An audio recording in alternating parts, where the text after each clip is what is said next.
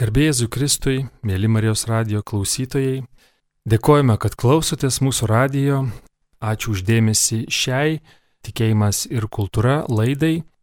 Šiandien Vilniaus Marijos radio studijoje svečiuojasi menininkė, žolynų menininkė Laima Dzikaitė. Bus labai malonu ir įdomu išgirsti apie gerbiamos Laimos kūrybą, apie paskutiniuosius darbus ir ypatingą medžiagą, su kuriuo menininkė Laima Dzigaitė kūrė. E, laidą vesiu aš, Rimas Macevičius. Gerbiama Laima, garbė Jėzui Kristui. Per amžius amen. Pristačiau laidos pradžioje jūs kaip žolynų menininkė. Tai iškart nusako, su kuo jūs kuriat.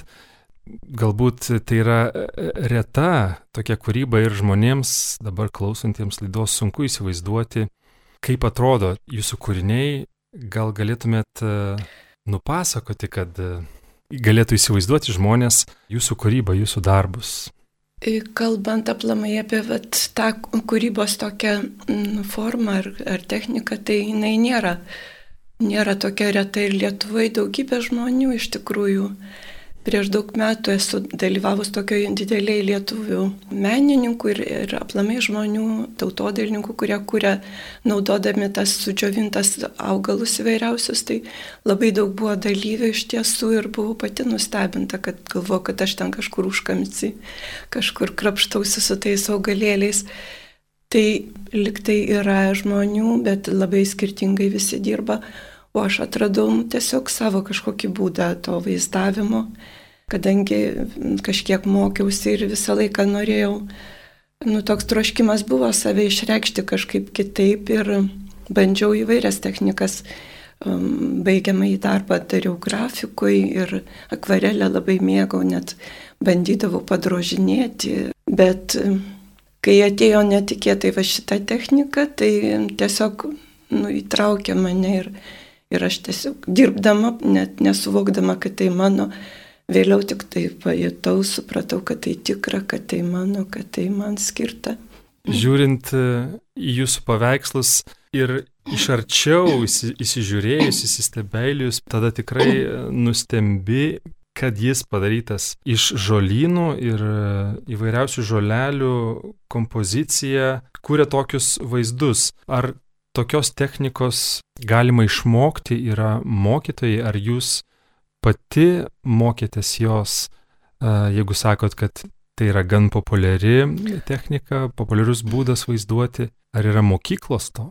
Yra įvairios grupelės, kurie naudodami tas medžiagas dirba ir dabar per Lietuvą tiesiog nuvilnijo ir, ir mano dėka keletas grupių, e, kurie ir keliauja su parodom, moteris miesteliuose tiesiog e, pamokytos ir Donelaičių skirtų paveikslų ciklą sukūrė ir poetė, iliustracija, žodžiu. Aš pati kažkaip bandau jau pastaruoju metu dalintis, daugiau populiarinti, atvažiuoja pas mane, mokosi. Ši technika yra populiari labai Japonijai, vadinasi Oshibana, tai jie ten turi didžiulius klubus ir, ir žodžio albumus leidžia ir, ir parodas, ji tiesiog yra išplaukus iš, iš jų, jų gal tos pasaulyje žiūros, jų to, nu, to pagarbos didelės gamtai. Bet aš galvoju, nei kiek nemažiau lietuviai yra su pagarba gamtai, nes visur matome tą, tą elementą liaudės mene ir, ir, ir drožyboje, ir, ir, ir audiniuose, ir, ir nu, įvairio, ir keramikoje visur tas gamtos motyvas. Aš gamtą aplamai labai mylėjau ir augau pas senelę kaime, tai tas toks to makro pasaulio stebėjimas, jisai buvo labai nuo mažų dienų. Aš pamenu, kad aš ten galėdavau pievoje ištupėti valandų valandą, žvelgdama į kokią laukinę našlaitę. Tai tas turbūt dėjosi, dėjosi į širdį, pamažu, pamažu. E, paskui įvairūs gyvenimo e, keleliai, keliai e, vedžiojo mane tose ieškojimuose, įvairūs mokytojai nuostabus, kurie irgi davė kažkokias žinias. Ir paskui sugrįžimas prie savo šaknų, turbūt į savo namus, į savo tėvų namus. gyvenu tėvo pastatytam name senom mediniam aplink didžiulis sodas, kur galiu tiesiog džiaugtis nuo, nuo pat pavasario pradžios iki, iki pat užsningantais visokiais augalais, juos rinkti. Ir aš kurdavau tokias nedidelės miniatūras, atvirukus, tokius, e, tipo kaip, kaip simboliai, kaip gyvenimo medės, kažkokie vainikai. Ir bičiulė pamačius, jinai pasiūlė, e, viena mūsų ukmergiškė gydytoja buvo parašius apie Vilkmergę legendą.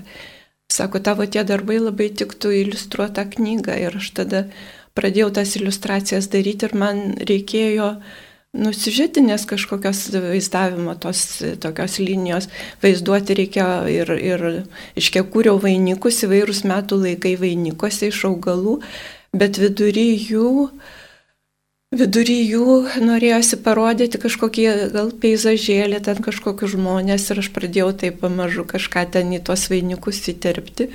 Ir greta, atsitraukus nuo šitos iliustracijų to darbo, greta pradėjau bandyti kažkokius paveikslus ir aš tada neturėjau nei prisirinkus tų medžiagų tiek, kažką išeidavau, dar buvo neužsnygę, susirenku, kažkokius aplūžusius kažkokius, tai ten, tai žolelės kažkokias, pradėjau dėlioti ir, ir mane tiek užkabino, kad aš ryte laukdavau, kad prašvis, kad spalvos, kad aš galėčiau matyti, pastelę pasidengdavau foną ten popierių, kokį aš ten turėjau, kokį gavau. Ir žodžiu, ir aš tiesiog, kol, kol, kol šviesa būdavo pakankamai gera, kad matyt, aš tiek įsitraukus buvau į tuos darbus, kad per žiemą sukūriau virš 20 darbų.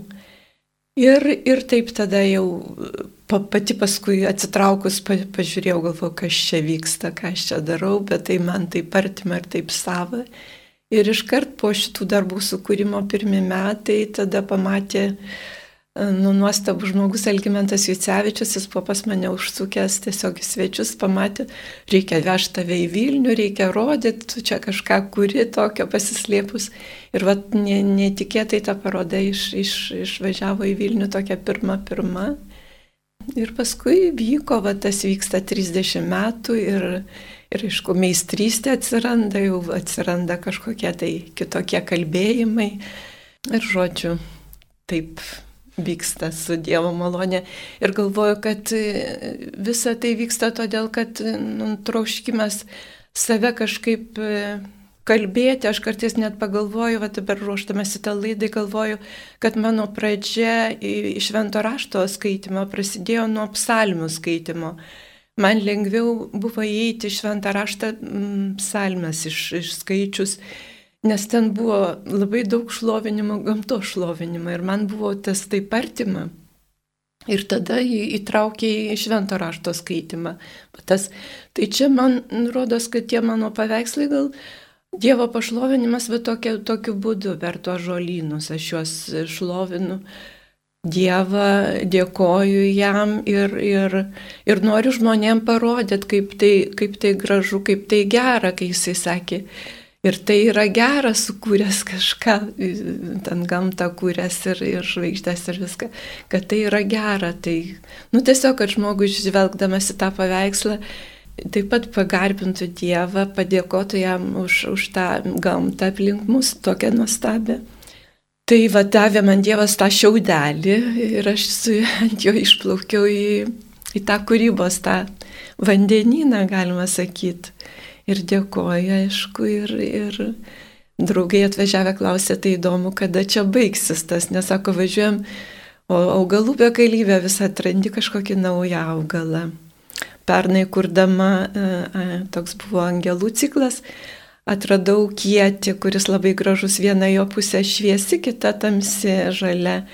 Tai tiesiog žvelgdama į jį, nu, mačiau sparnus angelo, tai būna taip, kažkur prie ežero meldai šnara, kažkokia garsas, tokia muzika ir, ir staiga pasimė tą lapelį iš to meldo ir, ir vat, sparnas angelo. Tai va šitaip nu, tiesiog kalba augalai patys ir, ir tobulai kalba ir, kadangi buvau silpna piešėja, tai va Dievas atrado tokią formą man kalbėjimui per augus, su augalu. Viename iš paskutinių jūsų darbų išleistame kalendoriuje 23 metams. Sakote pastraipoje apie šį darbą, kad šią techniką esate dėkinga, kad galite prakalbinti augalą ir žiūrovą. Įdomu, kaip prakalbinate žiūrovą, ar girdite atsiliepimus ir kas būtent e, žavi žmonės, žiūrint jūsų darbus, kaip juos prakalbinat, ką jie jums atsako ir kokiais tais žiūrovų prakalbinimais labiausiai džiaugiatės asmeniškai.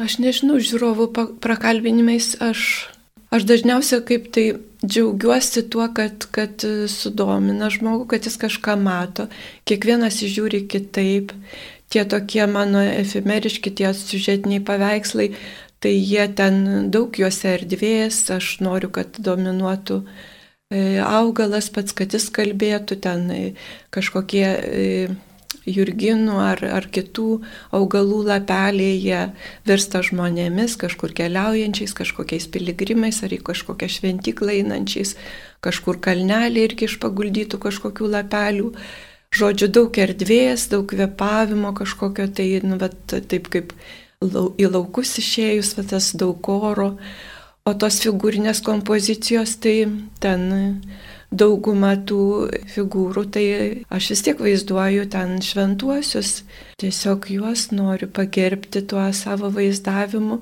studijuoju tą mūsų ikonografiją ir ikonų meną kažkiek tai detalių pa, pa, panaudoju ir mūsų drožyba labai man, mane žavi grafika. Tai semiuosi vat, to įkvėpimo iš tų senųjų meistrų, tiesiog detalės kažkokias, ką jie naudoja, kaip jie vaizduoja tuos, nes mano tie paveikslai irgi iš visokiausių tokių kartais yra plūžusių lapų, kurie pavasarį surinkti, jie kažkiek primena ir tą tą medžio drožybą, kai kurie. E, taip ir pradžia tų figūrinių kompozicijų prasidėjo, kad aš pamačiau prie kaimynų sodybos keletą kukurūzų buvo išaugę ir jie plaikstosi vėjai, tie kukurūzų lapai tokie jau aptriušę ir, jau ir lietaus ir vėjo nugairinti, jau tų geltonumo nei kiek nelikę toks, kaip atsinešiau kaip medžio kažkokia gabalėlis toks ir, ir tobulai man pasirodė, jis priminė kažkokią figūrą. Žmogaus ar šventojo. O dabar šitos figūrinės kompozicijos, jos labai taip neįprastai e, daug ką net nustebina, kad, reiškia, veido nėra, nėra akelių, burnyčių, kaip paprastai, tai man to kažkaip nereikia, aš matau tos veido prožus, kažkaip menamai matau, kitiem taip pat netrukdo kam trukdo, bandau, įsi, bandau patart, kad įsivaizduotų tiesiog kažkokį artimą žmogų. Tai va šitas kalendorius, kurį mes dabar vartom, tai ir yra skirtas Marijai ir, ir Lietuvai, ir motinom, ir dukrom, ir, ir, ir kas turi marčias, marčiom, kad žvelgdami į tuos šventuosius jie matytų būsimus, būsimus šventuosius, savo artimus žmonės nes aš šitą jau matau e, kažkokią, pavyzdžiui, Mariją sopulingoji su didelė širdim, kurioje yra e, įdėtos detalės sakralaus audinio. Aš matau savo vieną artimą bičiulę menininkę garsę, kuri yra va, tokia mažutė lygos e, paliesta, bet su didelė širdim, tokia plačia, didelė širdim, mokanti išklausyti kiekvieną, mokanti atjausti, daug besimeldžianti ir, ir daug kurianti, daug besidalyjanti savo kūrybą. Tai aš na, neseniai ją pamačiau vat, tam, tam paveikslė, nors iš tikrųjų buvo mintis su Marija ir už jos nugaros lik toks kryžiaus motyvas ir ta širdis Marijos, tas skausmas su tais raudonais siuvinėtom, siuvinėtom detalėm. Bet paskui žvelgdama į čia tokią, nu, va, tą mažumą ir tą tą širdį ir, ir aš perkeliau į jį tą savo bičiulę. Ir matau jos veidą, joje jinai gimus Guadelupės Dievo motinos dieną. Tai va, tai vienas paveikslas yra, kur e, savo krikšto mamam tiesiog pajutau, nors iš tikrųjų ten vadinasi jisai tas paveikslas malonės pilnoji Marijai skirtas ir šiek tiek primena tas aplink tau tokia kaip aureolė, primena, kaip vaizduojama Gvadelupės Dievo motina, tas toks iš karklų lapų ta aureolė. O žvelgdama, prisimindama, jinai buvo siuvėja, siuvinėjo, e, tai ta siuvinėjimo detalė ir, ir ten daug aplinkui tokių lininių siūlų. Nu, man priminė ją tie siūlų galiukai besimėtantis ant jos stalo ir, ir, žodžiu, tokia dėmesinga žmonėm, labai daug žmonių jinai tiesiog pasiūvus tos rūpus, labai nuoširdį buvo ir, ir savo amatą labai išmanė gerai ir labai džiaugiasi tai savo darbais. Tai, vat, jinai dabar iškeliavusi amžinybę ir negali žinot, gal jau jinai ten arti šventųjų.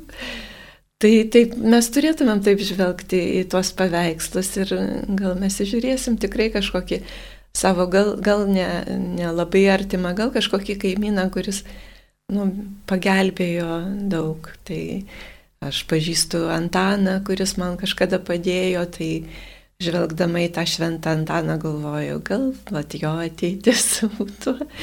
Tai va šitaip turbūt reikia žiūrėti. O jeigu tą atklausimą, dabar sugrįžtų prie to klausimo, kur jūs sakėte, tai vienas buvo iš pačios pradžios mano tų parodų keliavimo po Lietuvą, Cukijoje, Marcinkonyse. Viena močiutė, tokia paprasta suskarutė močiutė, prieėjus taip gražiai dzūkiškai, Cievė, cievė, kaip čia gražu vaikel, kaip norėčiau dabar užsimerkti ir tą viską persinešti, palaikyti ir kitiem padalinti. Tai man buvo nu toks, aš jį dažnai atpakartoju ir dažnai prisimenu tą močiutės pasakymą. E, bičiulė Čepkelių tam rezervate dirbantį Onutę Grigaitę sako, nu tu, tu prie, prie tų paveikslų tai būni žemesnė už žolę. Nu iš tikrųjų reikia būti žemesnė už žolę, kad kad ją išaukštint, kad pagarbint ją, kad dėkot. Meldžiuosi pradėdama dirbti, visada prašau, kad Jėzau tu eik pirmą manęs tu, kur aš tik tai rankosi, kad palaimintų mano širdį ir duotų šventą dvasę. Tai be šito neapsėinu, jeigu kartais kažkokia mintis ateina ir galvoju, nu, va dabar tai sukursiu padarysiu, čia bus. Tai dažniausiai niekalas verčiu tada kartoną ant kitos pusės ir, ir pradedu tą, ką Dievas man diktuoja. Mėly Marijos radio klausytojai, šiandien tikėjimas ir kultūra laidoje kalbame su žolynų menininkė Laima Dzigaitė apie jos darbus, apie jos ypatingą techniką, kuriant paveikslus, nuostabius meno kūrinius žiūrint į jūsų darbus, atrodo, kad kiekviena žolelė savo vietoje, kad iš tikrųjų tas lapas ar kita žolė taip tinka vaizduoti drabužį, jis toks atrodo tikras ir galvoju, kaip reikia įsižiūrėti į tą, į tą augalą ir išvelgti. Štai labai tinka karūnai, aureoliai ir, ir tikrai atrodo, kai jau sukurtas kūrinys, kad tas augalas tikrai tą vaizduoja, bet Turbūt tai reikia pamatyti, kol jis auga, kol jūs jį matot gamtoje.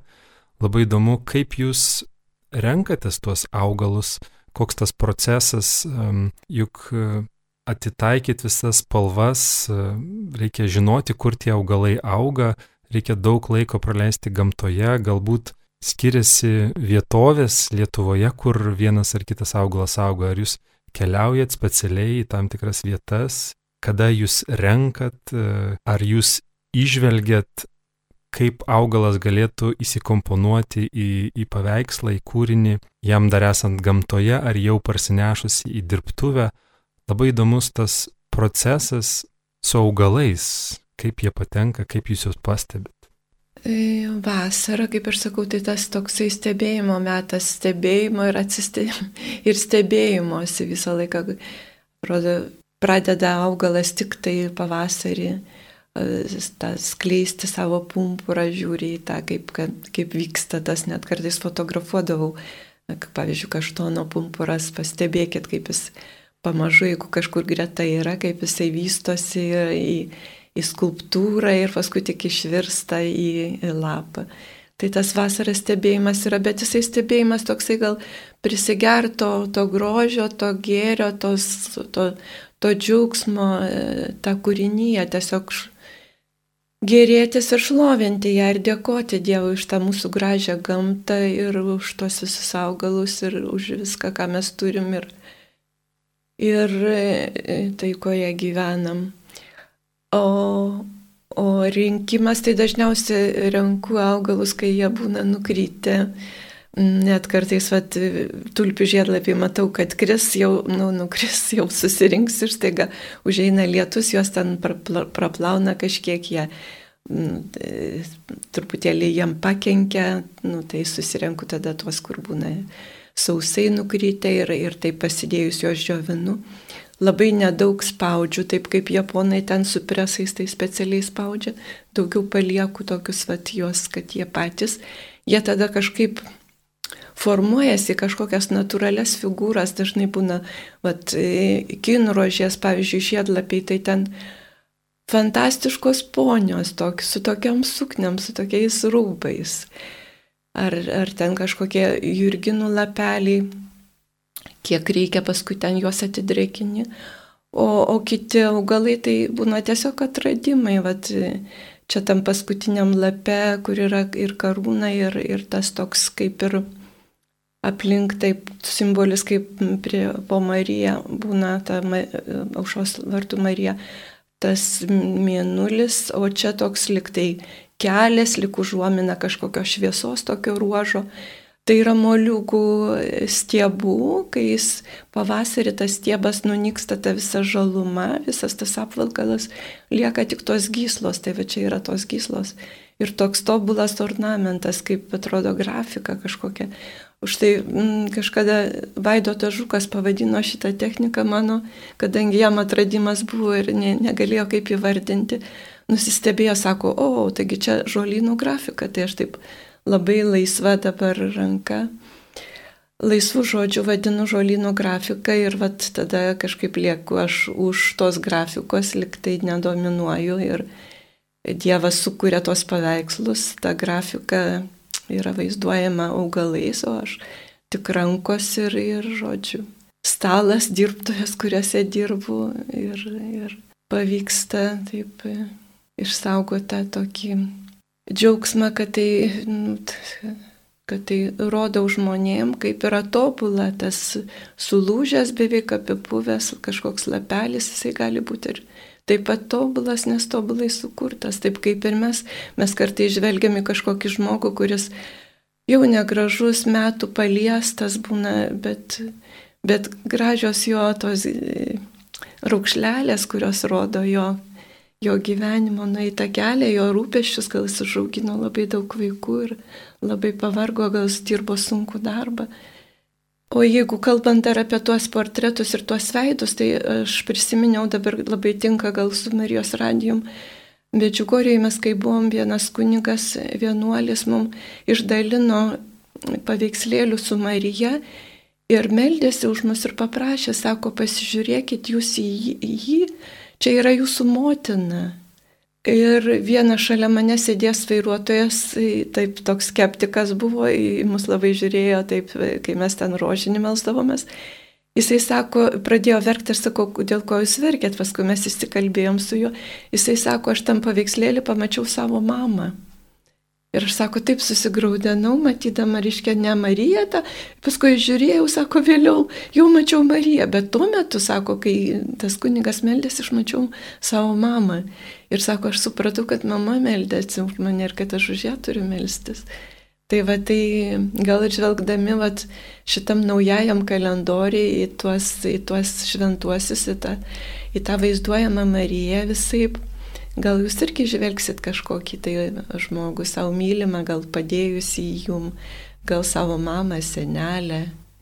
Aš vaikystėje, kai mamos močiutės troboj matydavo ant sienos šventos Veronikos ir švento Igno paveikslus, e, žiūrėdama į savo senelius, galvojau, kad čia jie.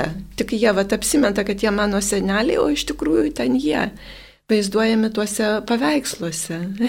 tai vad reiškia, reikia į tuos paveikslus gal kažkiek tai tapti mažu ir tada jie gal kalbės, nežinau, kaip čia, kaip čia patarti, kokį čia patarimą duoti. Tikrai kiekvienas, tikiu, suras, ką jam sako, aš vartydamas stebiuosi gamtos. Man kažkaip viską matosi šiuose paveiksluose gamta ir žiūriu ir galvoju, kaip galiu nepastebėti tokių dalykų, kai jie auga, kai aš juos praeinu, mindau ir į ką iš tikrųjų jie gali virsti. Jūsų, rankos, jūsų rankų darbų pavyzdys rodo, į kokį grožį tai gali virsti. Ir minėjot, moliūgo stiebelį nudžiūvusi atrodo, kad tai jau dažniausiai būna kaip šiukšlės, sugrebi po, po derliaus nuėmimo ir išmeti ir liktai yra nieko gražaus, tai yra negražus augalas. Ar jums yra negražių augalų? Ar augalų liekanų netgi? Nu, kartais net man reikia tų liekanų, nes reikia pavaizduoti kažkokį tai drožinėtą ten ar, ar, ar kažkokią tai apgriuvusią trobą, tai įimu tada aš tos tokius, nu, tokius jau patrūnyjusius augalus. Ir juos irgi naudoju taip ir kartais kardelių lapai, kurie, kurie būna jau palikti rudenį nupjauti tiesiog kažkur kamputyje ir paskui aš atrandu ten labai gražius reljefus, išryškėja jų e, tos, e, nu, reiškia, lapo gyslos. Čia, bet gruodžio mėnesio tas e, yra e, keletą ten lapų. Tai aš juos šiltnami radau, tai yra agurkas, e, agurko lapai ir jie su tokio, tos gislelės, tokios baltos, tiesiog kaip takeliai kardais skaičiusi su knyga anglų kalba simboliai krikščionybės mene.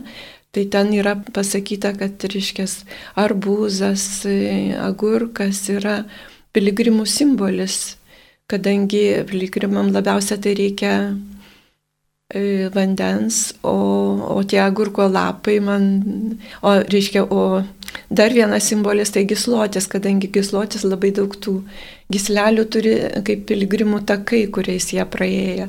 O čia aš ant to lapo agurko įžiūrėjau dar tas, tos takelius Tai kai susidėliojau, man čia tokia ir pavadinimas iš, išvirto į pavadinimą e, keliautojų priebėga, nu, tiesiog skirtas piligrimam ir, ir tiem vat, keliaujantiem, kurie dabar ieško priebėgos ir, žodžiu.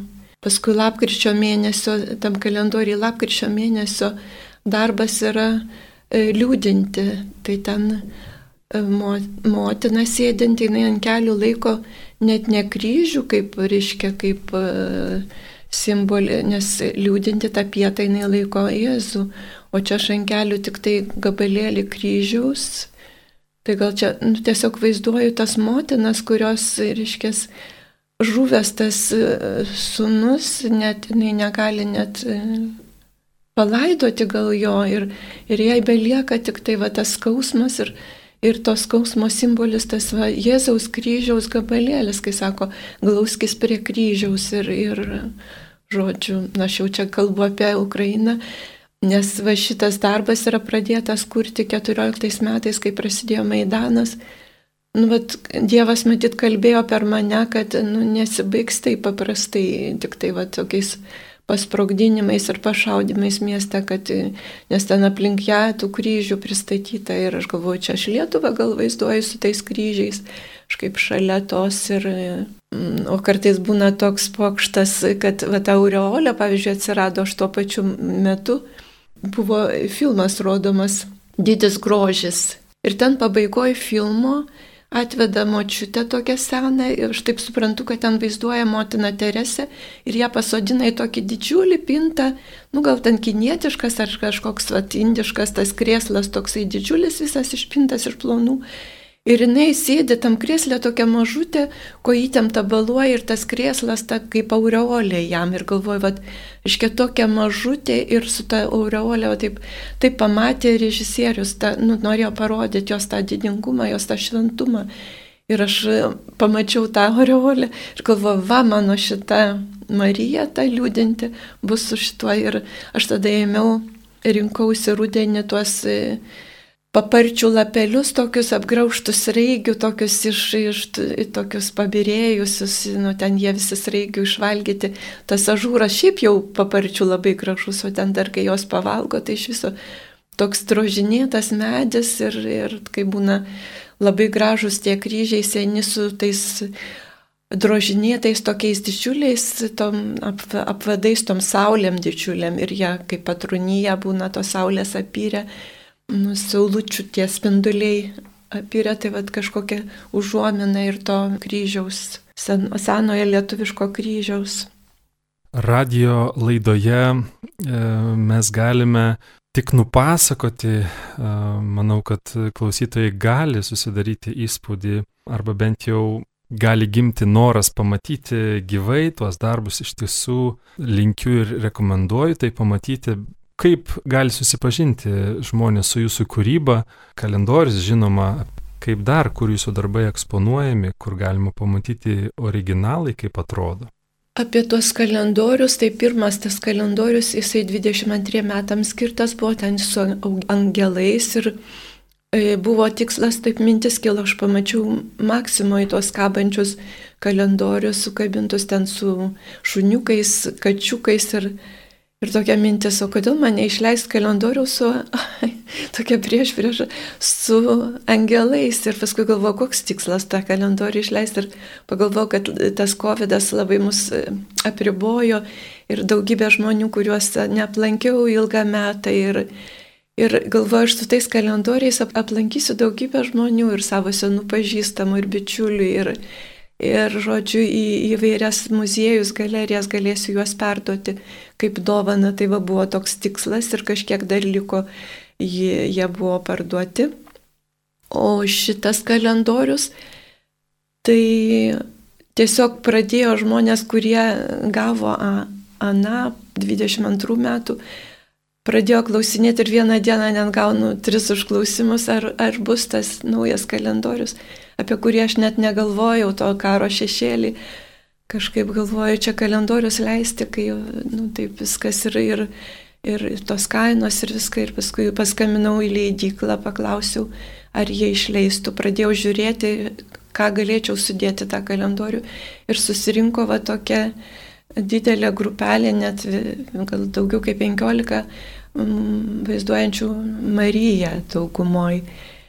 Ir, ir pagalvoju, sudėt Mariją ir pirmas tas puslapis prasideda, nu atradau būtent, kad pirmas puslapis su taikos karalienė. Tai būtų sausis su taikos karalienė kaip palinkėjimas taikos visiems ir mūsų širdise ir, ir visiems taikos ir pasaulyje ir be abejo ir, ir, ir Ukrainai ir, ir Rusijai, ir visiems kraštam, kuriuose taip pat keliauja jisai su to palinkėjimu taikos ir, ir kartu. O kalendoriai tie yra šiek tiek katalikiškose knyginiuose katedros ir Kazimiero knyginė. Ir galima tiesiog man į mane kreiptis ir mes išsiųsim paštu paprasčiausią priemonę. Tai tikrai, mėly klausytojai, ieškokite susipažinkite, pamatykite patys e, Laimos Dzigaitės darbus. Gerbiama Laima, laidos pabaigai įdomu sužinoti, kokie jūsų ateities planai. Sakote, kad šią techniką jau 29 metus kūrėt ir vis tikriausiai, kaip jūs kalbant su, su entuzijazmu, atrodo tai jumise ir ką planuojate ateityje, ar turit numačiusi, prikaupusi darbų jūsų kūrybos mėgėjai, e, ko galėtų laukti? Aš ateities kaip po tokios niekad nenumatau, aš tiesiog dėkoju, bet tai dienai, kai ateinu į dirbtuvės, kai galiu e, kažką daryti, galiu kurti, tai dėkoju tai dienai, tarp kitko dirbtuviai mano visą laiką įjungtos Marijos radijas, aš kai tik tai ateinu, pasimeldžiu įsijungiu Marijos radiją. Nu, kartais tarpais ten klasikai įsijungia, bet šiaip Marijos radiją ir galvoju, sėdėdama čia ruoždamasi mūsų tam pokalbį, galvoju, nu, pokštas čia Marija. Tiesiog paėmė ir atvedė už rankos, nes niekad net ne, neįsivaizdavau, kad galėsiu pati sėdėti ir jums čia pasakot kažką. Tai labai dėkinga Marijos radijai už tą pakvietimą, dėkinga klausytojams, kurie paklausys ir Ir gal pas mane apsilankys pasižiūrėti, tikrai mielai visus kviečiu į savo tą žolynų kampą ir pasimokyti, kas domisi ir, ir pasidalinsiu tikrai tą patirtim ir, ir susirasti tą kalendorių. ir, ir tuos paveikslus ir žodžiu. E, vienas iš tokių, jeigu Dievas laimins, tai yra noras sukurti šventą trejybę, kažkaip labai ta, ta ikona mane jinai, bet kažkokią šventą trejybę iš, iš tiesiog gyvenančią e, gamtoje, ne, ne tą Rubliovo trejybę, bet gyvenanti gamtoje, tiesiog matoma gamtoje. Taip gal pasakyti galima. Ačiū Jums, mėla Laima, už Jūsų kūrybą, už Jūsų tikėjimą ir už tai, kad pasidalinote šioje e, Marijos radio laidoje apie savo kūrybą, nupasakojote savo darbus ir tai, kaip jie gimsta. Mėly Marijos radio klausytojai, šiandien tikėjimas ir kultūra laidoje kalbėjome su žolynų menininkė Laima Dzigaitė. Likite ir toliau su Marijos radiju. Sudie.